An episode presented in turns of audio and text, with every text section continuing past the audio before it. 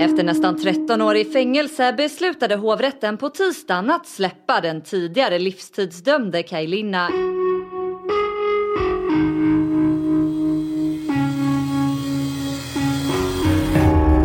Och jag, jag hinner ju som bara in en liten bit så ligger han ju längst in och jag ser han ju. Och här, här kan jag än idag minnas den bilden. Det handlar om ett kallblodigt rånmord i enslig mark. Jag måste ju säga det är ett av de värsta jag har, jag har sett. En man döms samma år för mordet till livstidsfängelse.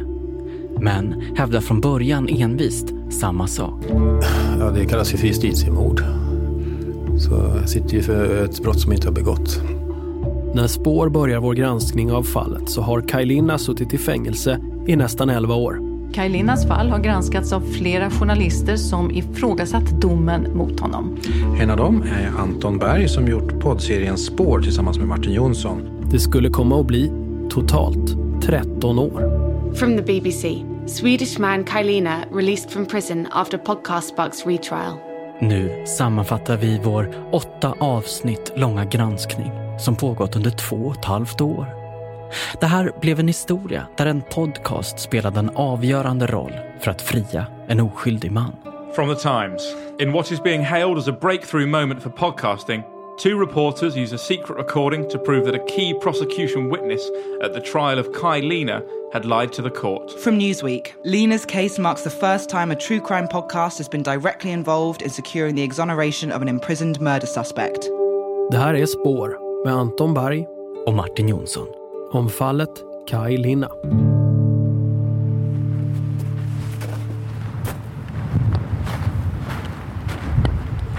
Kalamark. 23 kilometer väster om Piteå. Mars 2015. Ja, där borta är någonting. Ja. Där borta. Okej. Okay. Vi ska bort till luckan ovanför snedtaket där borta. Det är där det hände. Det var här allting började. Och det var så här mördaren närmade sig platsen och sina offer. Genom skogen, genom snön, fram till en av ladorna. Ja, här är det. Om ni lyssnar via Acasts app eller hemsidan acast.com kommer ni ibland se bilder som vi publicerar för att hjälpa oss berätta historien. Nu lägger vi till exempel ut en bild på hur det ser ut i Kalamark när vi var där. Så det är en ganska liten lucka. Vi står på platsen där mördaren ska ha befunnit sig 14 april 2004. Här finns en lucka ovanför ett snedtak där mördarens ben observerats av ett vittne i samband med att han tog sig in i ladan.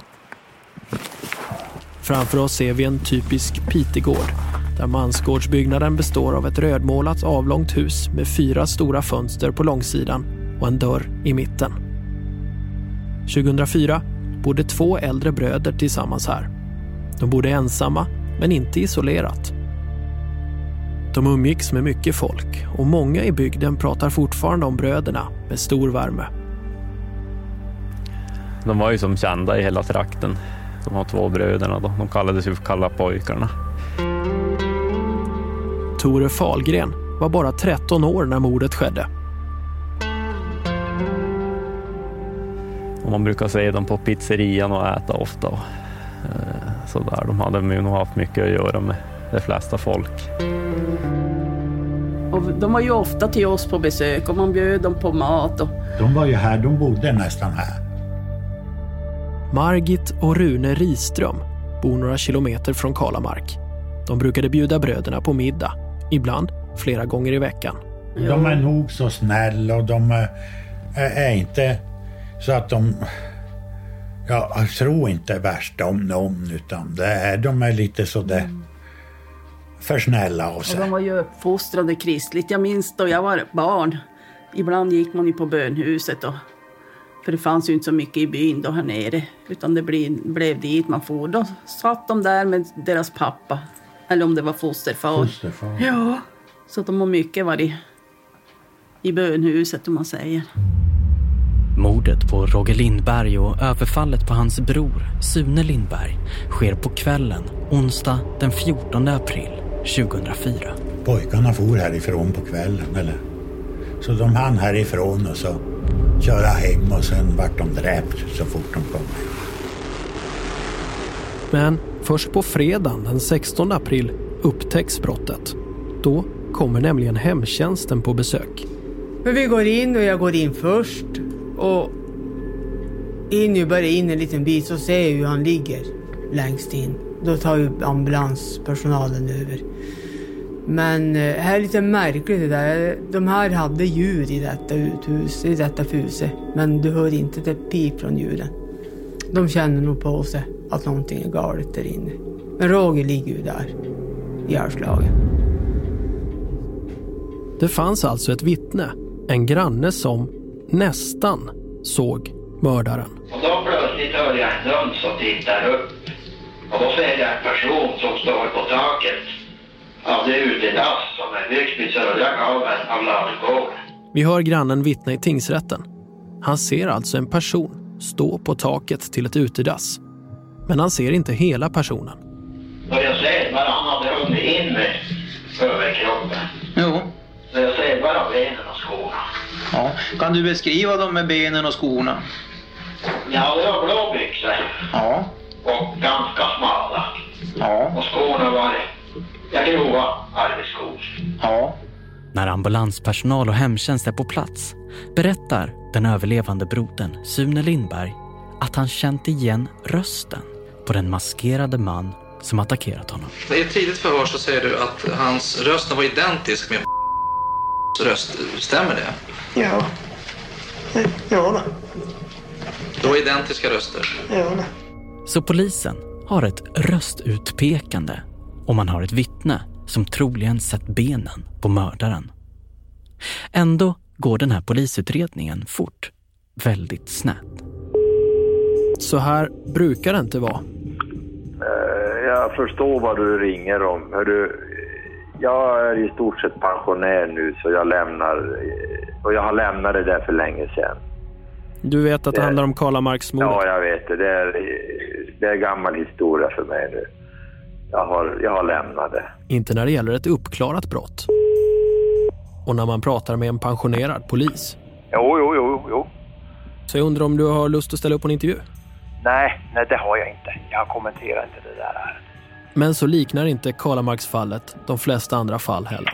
7008 för 04. Mm. Redan när vi ringer för att få ut förundersökningen, Åh, ja redan då så stöter vi på patrull. eh, då hänvisar jag till våra jurister. Och mönstret upprepar sig. Det här är inget som man vill prata om, varken från Piteåpolisen eller länskriminalen i Luleå. Nej, inte alls. Men här, varför inte det?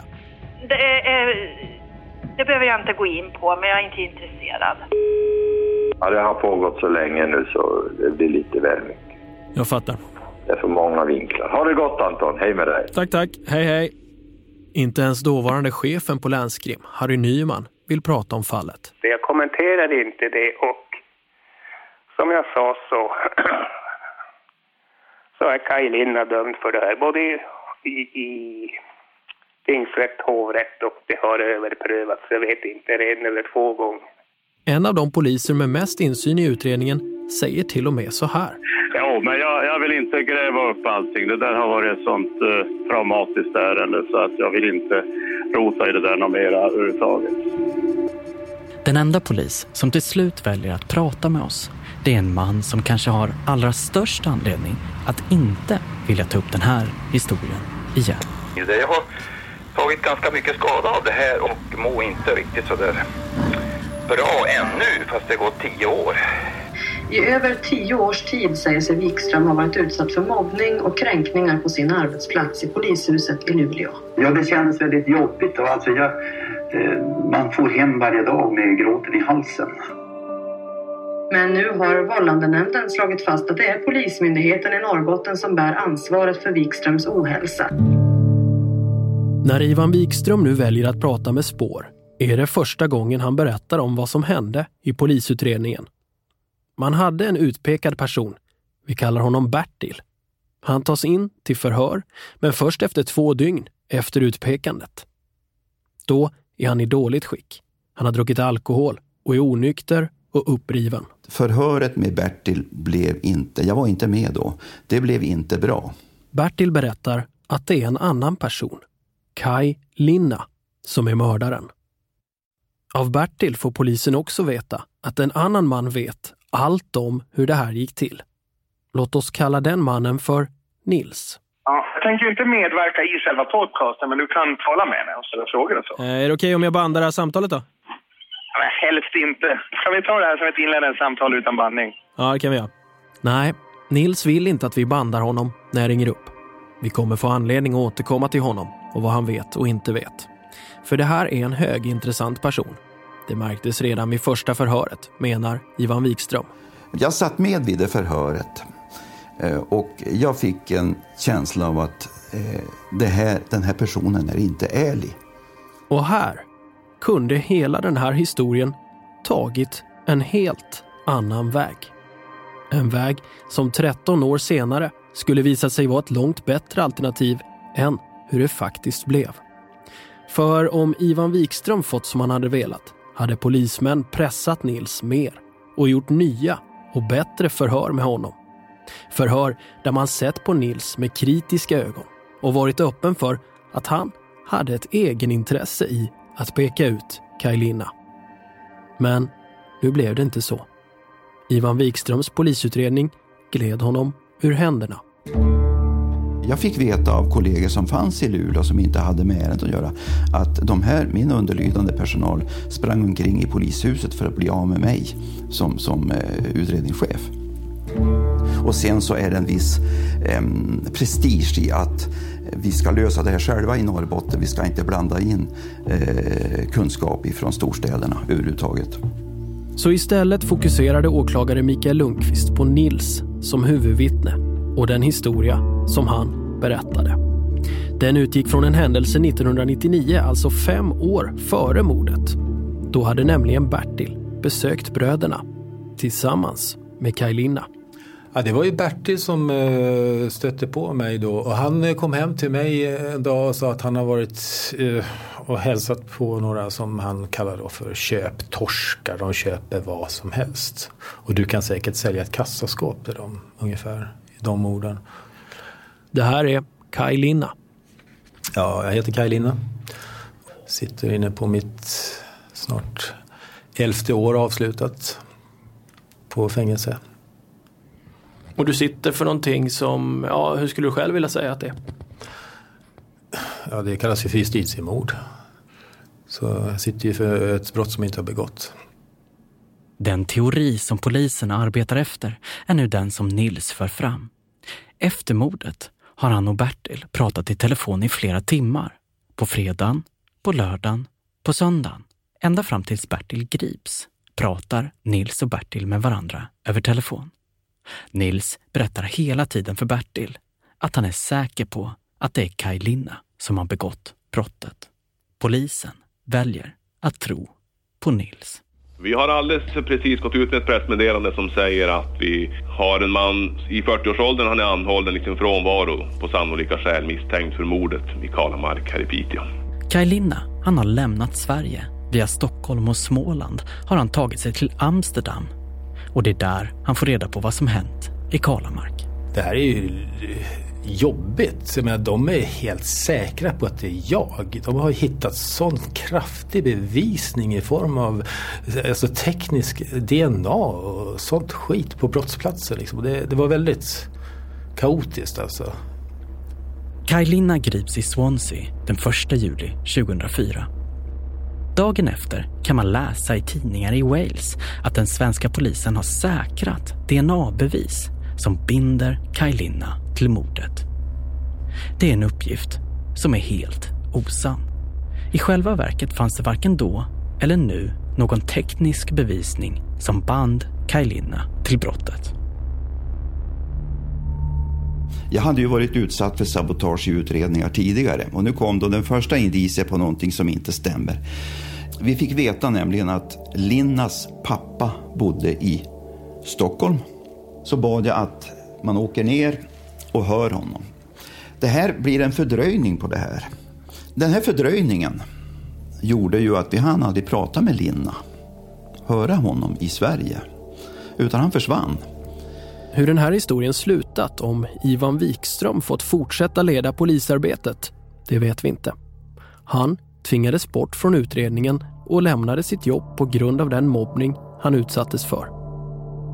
Men när vi pratar med honom nu, våren 2011, sju år efter det som skedde, så ger han inte mycket för den utredning som ledde till åtal mot Kaj Linna. Så det här var ett gungfly, utredningen, när jag lämnade den. Och jag tycker att den var det även fortsättningsvis också.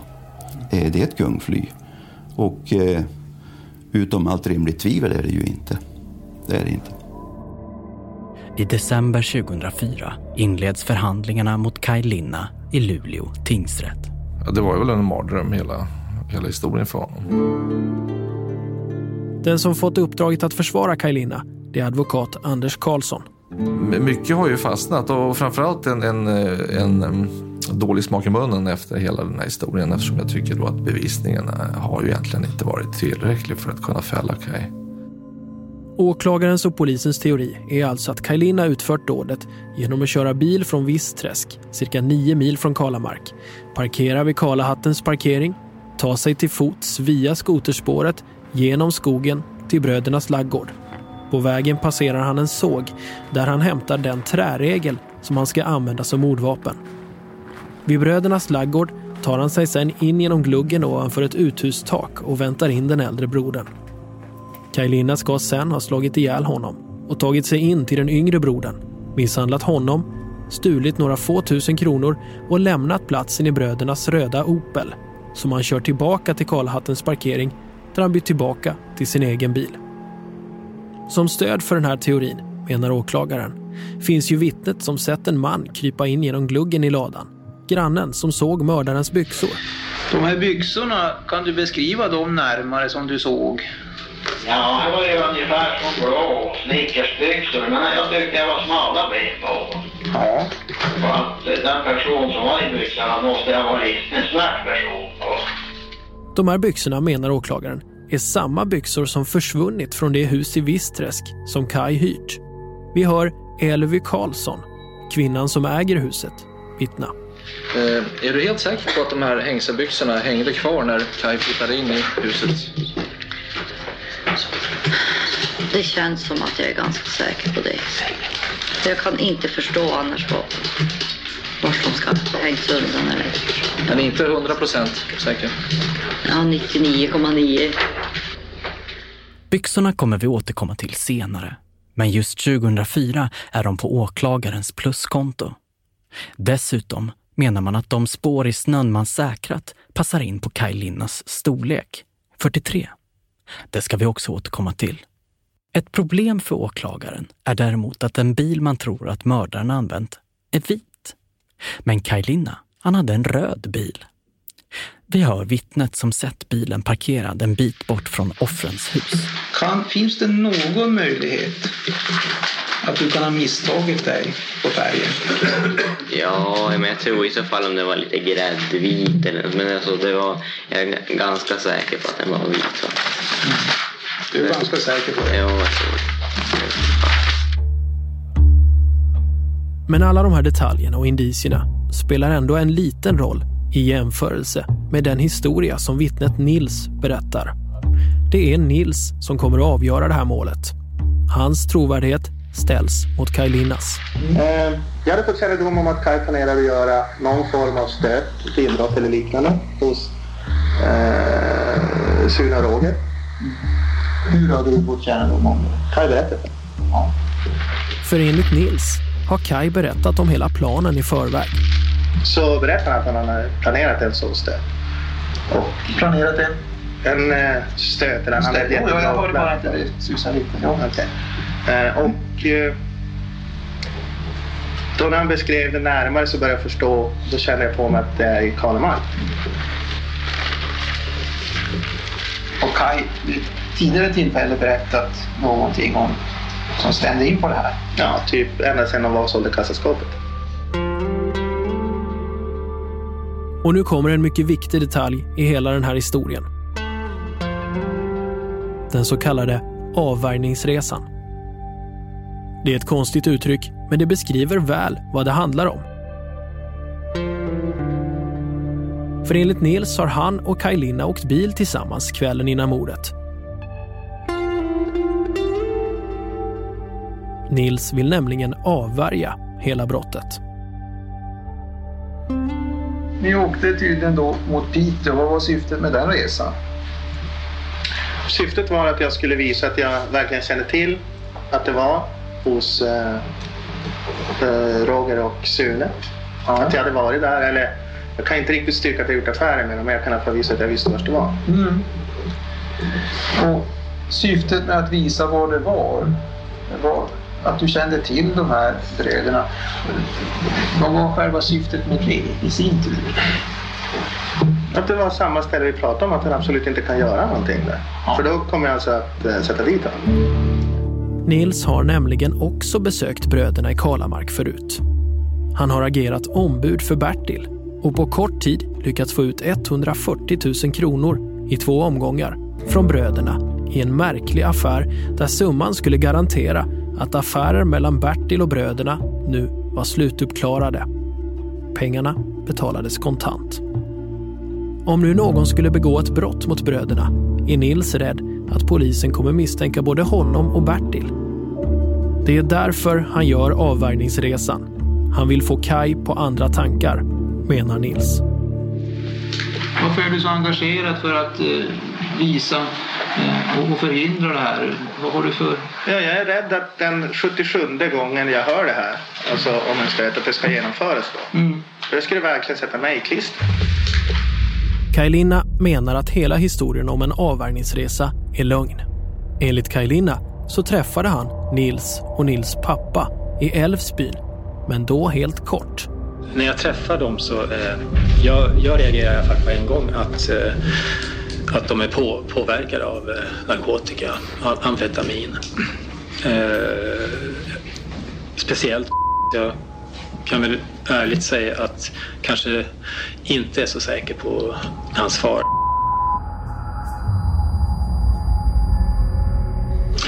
Det som händer sen är ju att eh, vi skiljs åt. Eh, och hans far åker åt sitt håll. Men Nils påstår istället att kvällen ägnades åt bilkörning och en diskussion om det rån som Kajlina planerade att utföra. Tidvis eh, så, så var det mer gräl än diskussion.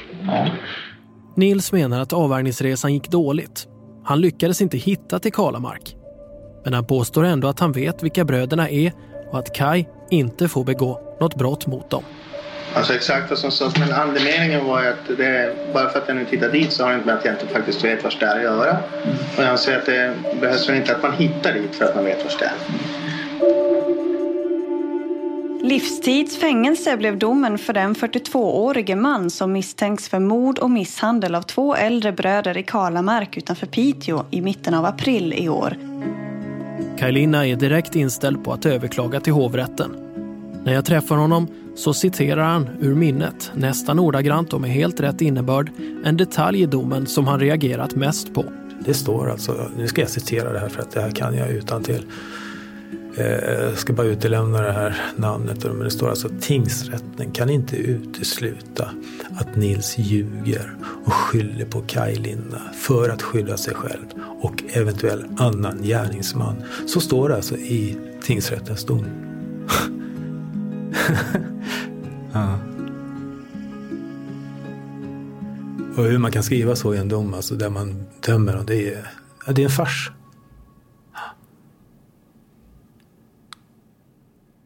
Kaj Linna, han döms i tingsrätten men överklagar till hovrätten. Där lyckas hans advokat Thomas Olsson bevisa att skostorleken inte stämmer. Kriminalteknikerna har gjort ett klantigt fel. Det här var en, eh, en tabell som hade kopierats i flera omgångar och det hade kommit någon form av smuts på pappret som hade gjort att åttan i 48 hade halverats och blivit en trea. Okej, då, jag har läst fel här. Hade, hade jag fått som det skulle vara 28 här mitt emellan det här strecket men just de här strecken låg mitt emot varandra, det var därför som... Så bara kan säga att så länge storleken stämde överens med Kaj så, så fanns det ingen anledning att nämna det här. Utan det var först nu när det blev påtalat om att det var en för stor storlek. Nej. Dessutom menar advokat Thomas Olsson att avvärjningsresan inte kan ha ägt rum. För Nils mobiltelefon Den kopplar upp sig mot en mast i Piteå samtidigt som han påstår att han är i Kalamark, två mil därifrån. Har du någon förklaring? Nej, det har jag inte på det. För det skulle innebära att du inte talar sanning när du säger att, om det nu är du som har ringt här, när du säger att du åkte iväg med Kaj före kvart i åtta. Mm. Rättens ordförande Kjell Persson vill förstå saken rätt och ställer kompletterande frågor. Då uppfattar jag så att då menar ni att han inte talade sanning om det samtal skulle ha förekommit. Ja, han kan ju inte gärna ha, lämnat Öjebyn och åkt mot Kalamark eh, innan bankomatuttaget om, han, om det här samtalet har ringt från hans telefon och det är vittnen som ringer. Ändå fastställer hovrätten domen mot Kaj Linna. Han anses skyldig till mord och grovt rån och döms till livstids fängelse. Någon förklaring till hur Nils mobiltelefon samtidigt varit i Piteå när Nils menar att han har varit i Kalamark med Kaj ger rätten aldrig. Alla berättelser om att det är Kai som eh, skulle ligga bakom detta kommer ju från denna Nils. Va? Det är, han är ju så att säga en nyckelfiguren här, han är ju huvudvittnet. Det här är journalisten Stefan Lisinski. Han arbetar på Dagens Nyheter och blev kontaktad av Kaj Linna hösten 2005. Och om han bluffar här så måste man ju fundera över varför, om inte hela historien är påhittad eller eh, omgjord i alla fall. Så är det ju. Och det finns liksom inget annat som visar att Kaja varit i Kalamark vid den här tiden. Tvärtom. Ingen har sett honom där, det finns inga spår av honom eller något sånt. Så att det, det stämmer inte. Stefan Lesinski börjar då en resa som kommer sträcka sig över tio år. För han tror helt enkelt att Kaj Linna är oskyldig. Största anledningen är att Lesinski menar att Linna har alibi. Han eh, har ett avslutat telefonsamtal i den här eh, byn Vistträsk då som avslutas 18.12 och sen ser ett vittne förmodligen gärningsmannens ben sticka ut genom en, en glugg i en lada där nitt, runt 19.40. Och då under den tiden ska, efter 1812 ska han då ha eh, åkt, åkt med sin bil och eh, antagligen också bytt bil eftersom han eh, den bil som har observerats stämmer inte överens med den bil som vi vet att Kaj använde då. Och eh, sen ska han ha gått genom skogen, två kilometer ungefär, gått till ett virkesförråd i närheten och hämtat en, en träregel som var själva mordvapnet här då. Och detta ska han ha hunnit med anser domstolarna men tittar man närmare på detta så är det, vill jag nog påstå, omöjligt att få det att gå ihop helt enkelt. Many of us have those stubborn pounds that seem impossible to lose, no matter how good we eat or how hard we work out. My solution is PlushCare. PlushCare is a leading telehealth provider with doctors who are there for you day and night to partner with you in your weight loss journey. They can prescribe FDA-approved weight loss medications like Wagovi and Zepbound for those who qualify. Plus, they accept most insurance plans. To get started, visit plushcare.com slash weight loss. That's plushcare.com slash weight loss. Sätta igång timern här också. Mm. Spår gör därför en egen rekonstruktion. Okej, okay. starta bilen. Sätt igång. Nu är det alltså jag som eh, kartläsare här medan Anton är driver.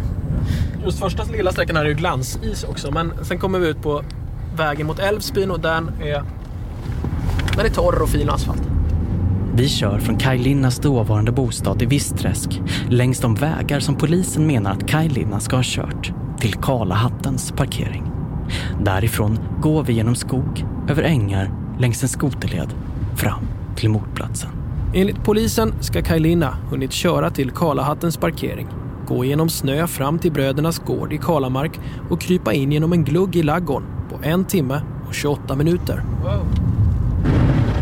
Man påstår att jag har gjort det då i en fullastad Toyota under eh, extremt dåliga förhållanden faktiskt. SMH i kundtjänst, Gunnar Ja, på kvällen där efter 19 så gick det ner på dimvärden. Ja. Det är dimma alltså? Ja. Mm. Sikten var bara en kilometer klockan 19 och 500 meter klockan 22. Så sikten var dålig, snödjupet runt halvmetern på mordkvällen 14 april 2004. Men eh, ponera då att jag har gjort det här då. Att jag har klarat av att köra det här fenomenala rallyt. Då ska jag dessutom under den här färden ha gjort vad som ska liknas vid en eh, stafettöverlämning mer eller mindre och bytt bil.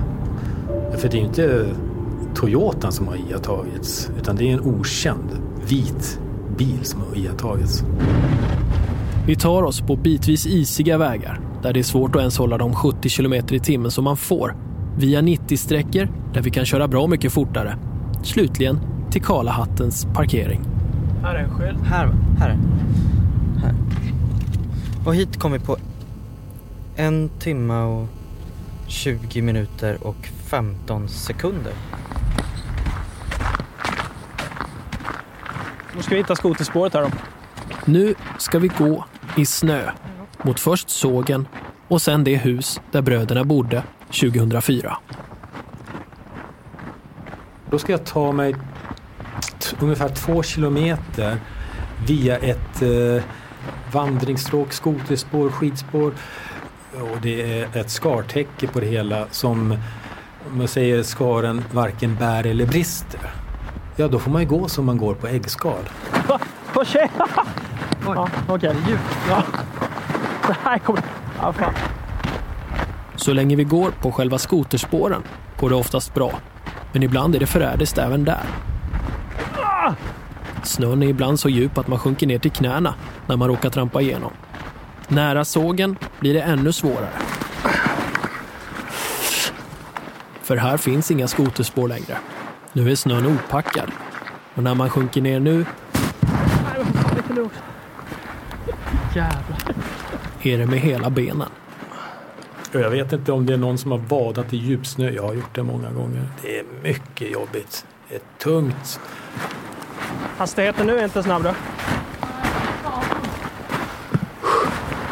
Till slut, när vi når fram till ladan där mordet skedde, då visar klockan Då kom vi hit på en timme och 45 minuter. Från där han 1.45. bo- Från där han bodde. Och han ska ha klarat det på 1.28 då. Och då har vi gått snabbt. Efter bästa förmåga. Vi misslyckas alltså med att hinna fram i tid. Men vad bevisar det egentligen? Knappast att Kajlina är oskyldig. Hade väglaget varit bättre då kanske vi hade hunnit. Hade skaren burit lite bättre kanske vi hade hunnit. Hade snön varit lite mindre djup. Då finns det en fråga till man bör ställa sig innan man lämnar det kapitlet. Det är varför? Varför ha så jäkla bråttom? Vad är det som är så viktigt med det? För är det någonting som man bevisar med den här bilresan så är det att man måste köra väldigt fort för att hinna fram. Jag är dyngsvett kan jag säga. Helt jävla svett.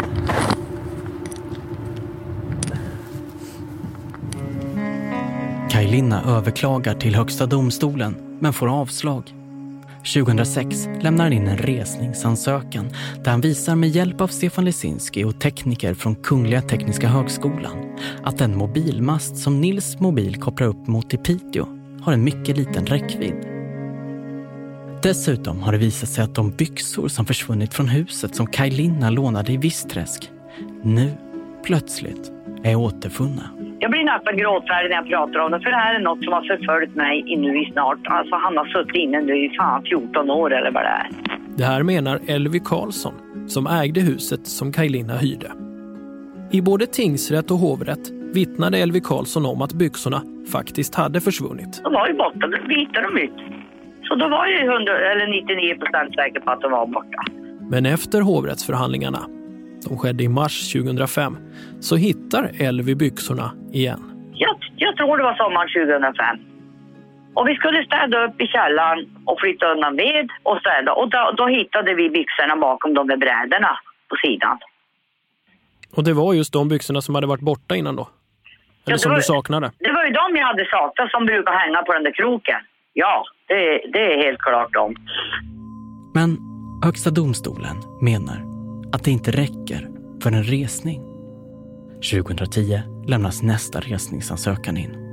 Nu har advokaten Johan Eriksson hittat omständigheter som polisen gömt undan. en snusprilla som hittades på platsen, har aldrig redovisats. DNA-undersökning gjordes nämligen, men den visade sig inte komma från Kajlina. Så det enda verkliga tekniska bevis som fanns på platsen pekade från Kajlina. Dessutom har man kunnat visa ännu tydligare på att masten i Piteå, som alltså är en så kallad basstation, helt omöjliggör Nils historia om avvärjningsresan. Men Kaj Linna, han får avslag från Högsta domstolen med 3-2. Två av landets högsta jurister vill alltså ge Kaj Linna resning. Eh, det framgår ju också i det som vi skrev så här. Att det, är... Det här är Leif Thorsson. Och Leif Thorsson och Kerstin Kalisendorf gör följande bedömning. Vad som sålunda åberopats visar enligt vår mening att det är praktiskt taget uteslutet och inte bara ytterst osannolikt att kunnat vara i eller i närheten av Kalamark vid tiden för samtalen. Problemet för Kaj Linna och advokat Johan Eriksson är bara att de tre andra justitieråden inte håller med. Och tre justitieråd svamlar fullständigt bort alltihop och säger det här var ingenting nytt. Det de, det de, det de säger indirekt är att vi, vi har hela tiden vetat att Nils ljuger. Det är indirekt vad de säger. Va? Det var ingenting nytt.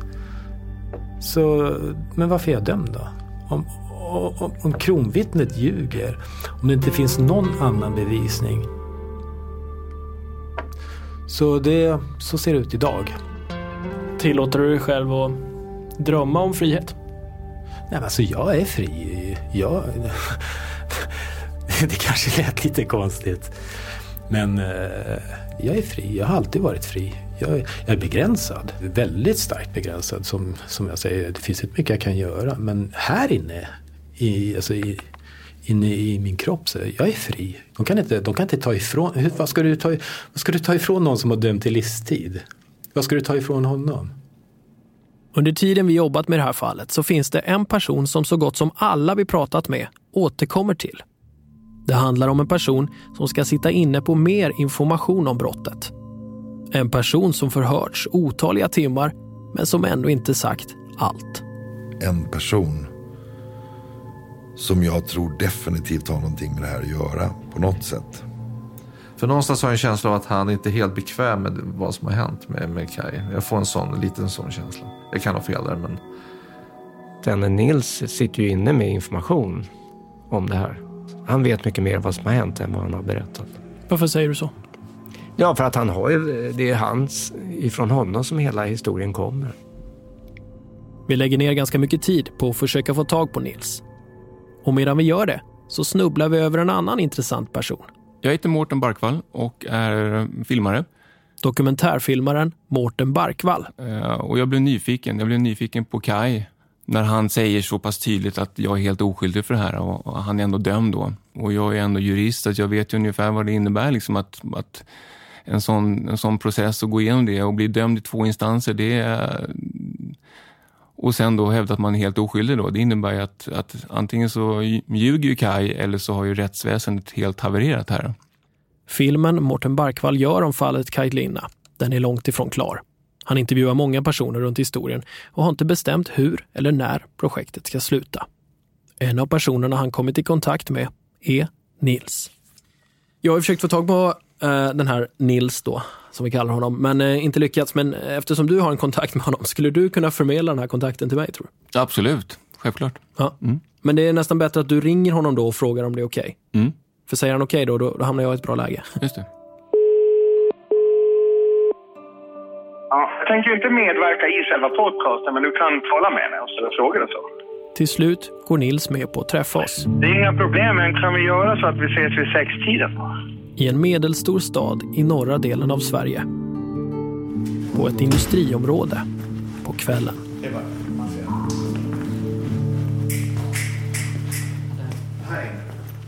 Vi anar inte då att den här intervjun kommer att bli helt avgörande för vår granskning och bidra på ett mycket konkret sätt till att Kajlina till slut frias. Men vi vet att Nils är en person med en oklar agenda och att han är personen som hela fallet vilar på. Därför har vi läst hela förundersökningen, alla förhör med Nils, lyssnat på alla förhör från tingsrätten och hovrätten, totalt Över 80 timmar inspelat material. Vi vet att det här är en person som har huvudrollen i själva fallet och som är en mästare på att uttrycka sig oklart. Därför har vi förberett oss med två bandspelare. Kan jag använda din band och ta lite atmosfär innan det ja. Man försöker hävda att han är oskyldigt dömd. Jag hävdar att han är faktiskt kanske felaktigt dömd. För mig råder det ingen tvivel, men jag menar en, en rätt kan ju inte ta ställning i ett sånt här fall baserat på eh, ja, ingenting. Alltså, alltså min utsaga. Att enbart basera ett, ett, ett fällande dom på din utsago, det är, det är för tunt helt enkelt. Ja, det är inte rätt säkert. Däremot återigen. Jag har inga problem med att han sitter han sitter. Jag tycker han sitter bra. Men hur ska man värdera en historia från mig? Ganska fort in i intervjun sker det som kommer att bli så viktigt. Nils ber oss stänga av mikrofonen. Vad ska ni göra i Piteå då? Inget särskilt. Nu ler du och ser jävligt finurlig ut. Sluta, alltså, såg jag det? Va? Men, nej, inget speciellt. Som jag vill berätta om nu. Okej. Okay. Kan vi fimpa det där? Ja, eller vadå? Vill du berätta någonting som du inte har berättat tidigare så är det ju svårt att fimpa liksom. Nej, nej, nej. Det är inte något sånt. Utan, nej, men jag vill inte att vi går in på det av Anders här. Ja, men du vet, ska vi stänga av då? Mm. Så jag stänger av min bandare. Och Nils berättar om en sak som han medvetet undanhållit för domstolarna. Grejen är bara att Martins bandare och mikrofon fortfarande är på. Innan vi sände ut det här så ringde vi Nils för att berätta att vi hade spelat in. Och då överraskade han oss igen. Vi, vi hade ju två bandspelare när vi pratade med dig. En som tog upp eh, ljud i rummet och atmosfär. Så vi har ju... Vi har ju när du berättar om det här. Det fanns ju på den bandspelaren liksom. Då överraskar Nils oss igen. Men eh, ta det material ni har alltså, och använd det. Ja, det är, Är lite, det okej då, eller? Det räcker kanske? ja, det är ju lite lågt, men det, det får funka då. Ja, ja, men det får funka. Det är inga problem. Nej. Men eh, då vet du i alla fall att det kommer ut då. Ja, ja, visst. Mm. Men Alltså, jag förstår ju syftet det ni gör. Det är ju liksom... Ni gör det bra. Det är spännande och bra. Även Alltså, jag är inte så förtjust i allt då, men alltså, det, det är respekt. Det är alltså inga problem längre för Nils att vi får höra det som han undanhållit för två domstolar. Så här har ni ljudklippet. Vad var det Nils och hans pappa skulle göra i Piteå? Ja, men du vet, ska vi stänga av då? Mm. Ja, vadå då? Ja, men jag vill inte sitta och basunera ute i radio. Men då det fanns ett annat skäl liksom eller? Man kunde väl kombinera det hela. Att ni var i Piteå så kunde du... Vadå? Gjort något annat i Piteå? Som du inte vill berätta? Mm. Alltså som inte är väsentligt tror jag. Och det är någonting som du inte har berättat tidigare i... För polisutredningen? Jag skulle anta att jag inte berättar i utredningen. Nej. Men vad är det då? Men det handlar lite droger och så. Ja. Alltså man skulle kunna passa på med sånt. Mm.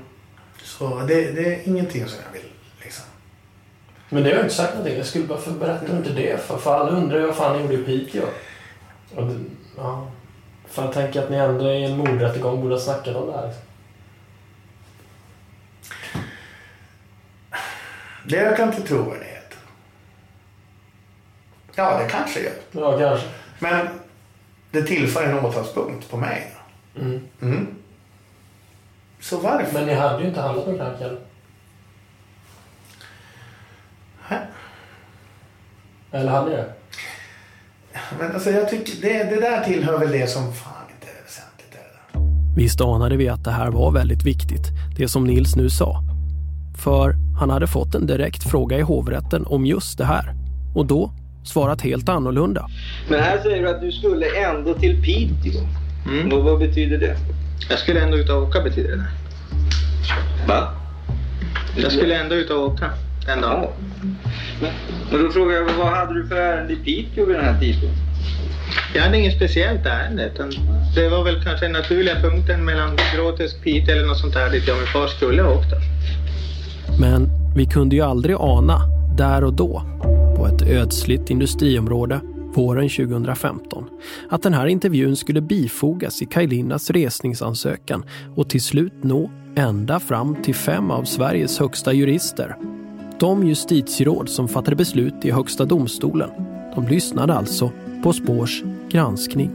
I detta ärende har sålunda framkommit att Nils numera anger att ett skäl till resan till Piteå den 13 april 2004 var att skaffa narkotika. Och dessutom, när det historiska beslutet kom i slutet av december 2016 hade de här juristerna tagit intryck av just den här delen av Nils berättelse. Det kan faktiskt ha varit den helt avgörande detaljen faktiskt. Absolut. Högsta domstolen pekade nämligen på den som ett avgörande skäl till att bevilja Kajlina resning. Uppgiften avviker från vad han uppgav i rättegången där han angav andra skäl för den resan.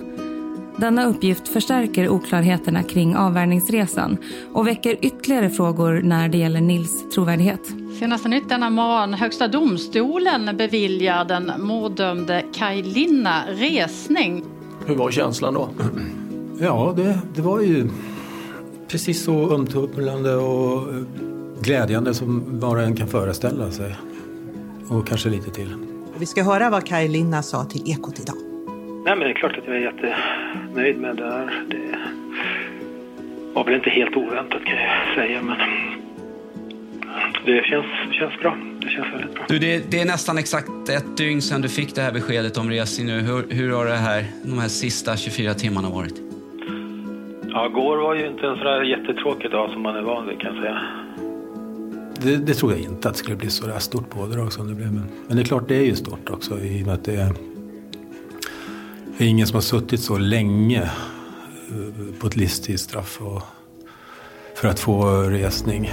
Det är bara tur att det inte blev ännu längre kan man säga.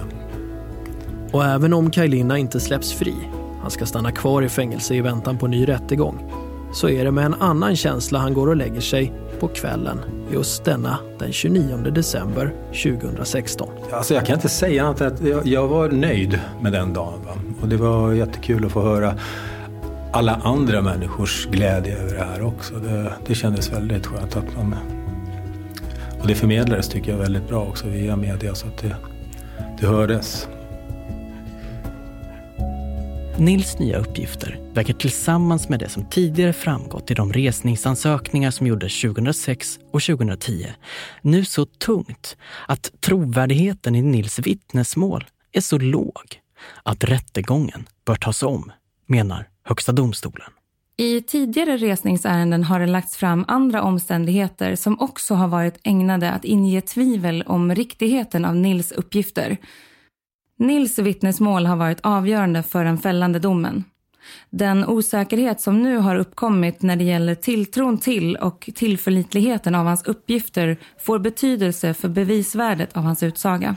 Så det har varit helt avgörande, definitivt. Både ert eh, listiga sätt att, få fram sanningen där och, och sen även Stefan Lesinskis eh, grej där. Det finns mot den nu angivna bakgrunden och med beaktande av att straffet har bestämts till livstidsfängelse synnerliga skäl att på nytt pröva frågan om Kaj Linna har förövat brotten. Har du hunnit sjunka in där på något vis? Ja, nu går jag, alltså, nu går jag bara och väntar på eh, ett besked och det är att jag ska släppas fri. Hur säker är du på det? Man kan ju säga att jag är 100% säker därför att eh, åklagaren har ju faktiskt också ett nyhetskrav på sig. Det är inte bara jag som har det. Så nu är den bollen lite överputtad på hans sida istället. Fem månader senare, i maj 2017, hålls den nya rättegången i Umeå. Ja, i snart 13 år så har Kaj Linna suttit i fängelse livstidsdömd för mord. Och idag började alltså den nya rättegången som han hoppas ska fria honom. Trots att Högsta domstolen så tydligt markerat att Nils trovärdighet är så dålig menar ändå kammaråklagare Jens Göransson att Nils är ett bra huvudvittne. Eh, ja, jag tror på det han berättade i, i stort om, om vad som har hänt.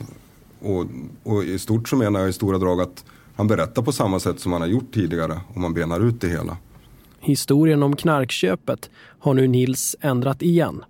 Nu var det ett felaktigt minne, hävdar han i nya polisförhör. Till oss i den här mikrofonen faktiskt så sa han att han hade åkt, och hans pappa åkte för att köpa droger. Nu, kommer, nu, nu tar han tillbaka den historien. Har han berättat varför? Eh, nej, han har nog inte riktigt haft någon förklaring till varför han har sagt på det här sättet. Utan eh, det får vi väl höra på torsdag om han har någon förklaring då. Det enda han har sagt nu i polisför, som ni säkert har sett, är att eh, det är inte sant. Hur tolkar du det? Ja, jag vet inte om jag tolkar det på något sätt. Jag, jag noterar att han har sagt som han har gjort i, i, till en journalist och sen så säger han på ett annat sätt i, i polisförhör. Och det har fått den effekten att eh, det har beviljats resning i fallet. Så det har fått en stor konsekvens. Dagen efter Kajlina hörts är det åklagarens huvudvittne som hamnar i fokus i hovrätten i Umeå. Mannen som vi kallar Nils. Han säger ofta att han inte längre minns eller att han sagt fel förut för att han mindes fel då. Så det trodde jag ju då tills jag såg telefonen. Alltså jag förstår ju att det inte har hänt. Och varför förstår du att det inte har hänt? Vad är det som får dig att förstå att det inte har hänt? Ja, att det var inte på det viset. Utan det är något som jag så att säga inbillat mig väl att det men att förvrängda minnen eller vad man ska säga. Mm. Men vad är det som får dig nu att veta att, inte, att, att den förvrängda minnesbilden verkligen är en förvrängd minnesbild och inte att det är så det är? Det är inte så. Nej, men vad är det som får dig att säga Uh, helt säkert så?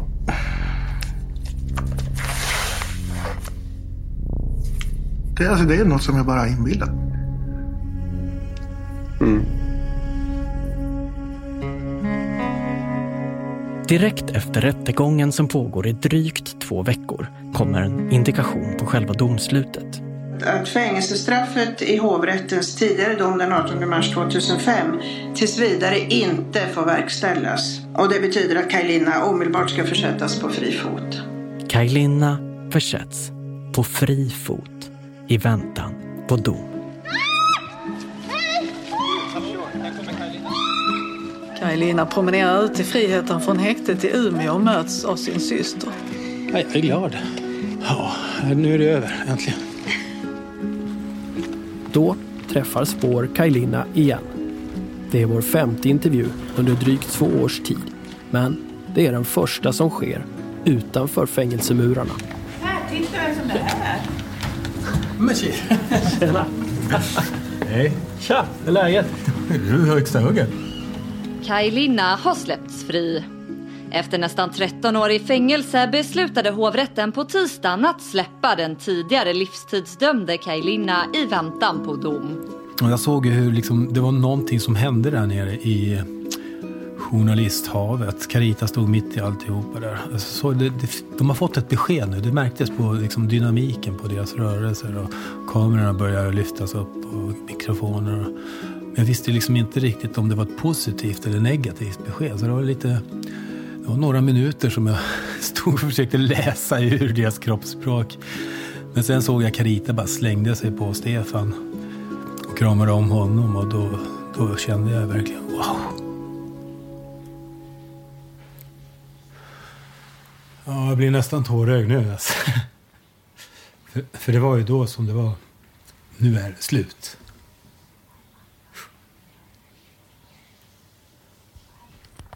Ja, du var ju väldigt cool då liksom, eller sådär. Bjöd inte så mycket på känslor då. Men, men nu, nu händer någonting jag märker. Nej, men alltså jag bjuder inte på känslor aldrig och sådär. Och jag är inte speciellt bekväm med att, att vara tårögd på något sätt. Så att det, det...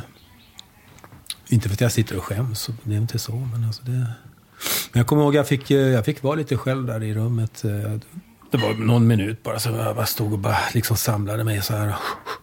Jag ville definitivt inte lipa framför plitarna. Så att när jag kom ut där, då, då stod de ju 10-15 stycken där utanför. så jag var väldigt cool. Jag bara tittade på dem och sa, jaha, så nu ska ni släppa mig då? Jaha, sa de. Ja, vad bra. Jag ska bara tömma min cell då, och så går vi. En av de saker som Kajlina längtat efter under sina 13 år i fängelse är att simma. Trots att det är 13 grader i luften och skurar kommer och går så bestämmer han sig nu tillsammans med sonen Fabian för att det är dags. Väntan är över.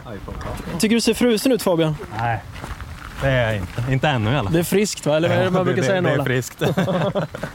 det ska vara kallt. I alla fall det första doppet. Varför gör du det här då? Varför? Ja, för att få i min pappa i vattnet kanske. Det är den största anledningen, men annars är jag gillar att bada jag också. Men han har ju suttit inlåst i 13 år och drömt om en sån här grej. Mm. Det har inte du. Eller? Nej, det, det har jag, eller ja, få bada med pappa första gången, det har jag väl drömt om. Jag tror inte det är så kallt som det ser ut. Vem försöker du lura? Eller hur? Är det första doppet detta? Ja, det är absolut första doppet på 15 år, eller 14 år eller vad det blir. Nej, 13 år blir det faktiskt. Ja. Nu kör vi. Kanonkulan. Hur djupt är det här? Du får inte dyka står det. Nej, men kanonkulan gick samma sak. Så ska jag göra.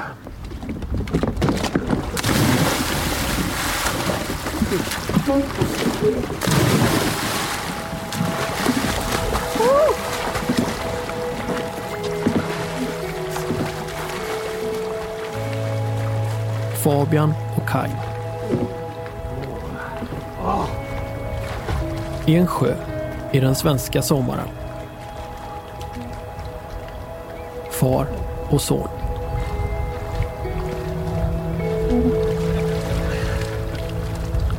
Kvar på bryggan står Marcus, Kais äldsta son.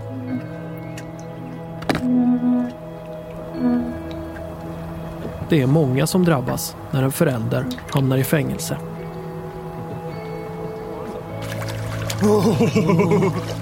Jäklar.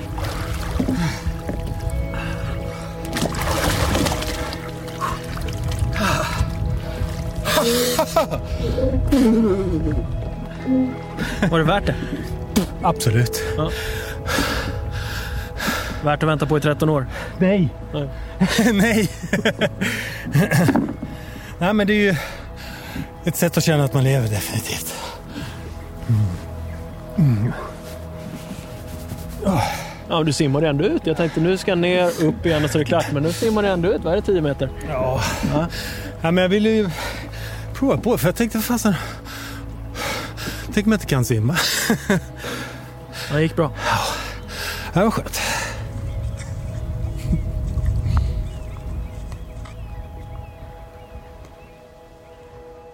Så den 15 juni 2017 kommer beskedet. Hovrättens dom. Och domen innebär att en enig hovrätt Det blir hovrättspresidenten Margareta Bergström som läser upp vad man kommit fram till. ändrar den tidigare hovrättsdomen från 2005 eh, på det sättet att vi frikänner den tidigare dömde mannen från åtalet för mord och grovt rån och vi förklarar att han är fri från påföljd. Men vad är det som har kommit fram till, till att, att ni nu kan frikänna honom? Vad är det ytterligare bevis som har kommit fram? Nej, det är ju inte så mycket ytterligare bevisning. Det är inte så väsentligt utan det avgörande beviset är ju nu, precis som det var då, det som vi kallar huvudvittnet. Vi kom ju fram till den slutsatsen att det här är så mycket oklarheter och det finns även motsägelser som gör att det här huvudvittnet kan vi inte grunda en fällande dom på. Hej Anton. Hej Kai. Ja, det slutade ju lyckligt den här gången. Så att, eh, nu är jag ju fri. Nu är jag frikänd. Jag är oskyldig. Ja, det är det. Att, eh, allt det här har varit en, en jäkla resa. Det, mitt liv har liksom gått in i någon konstig labyrint. Jag har försökt att tråckla mig ut därifrån.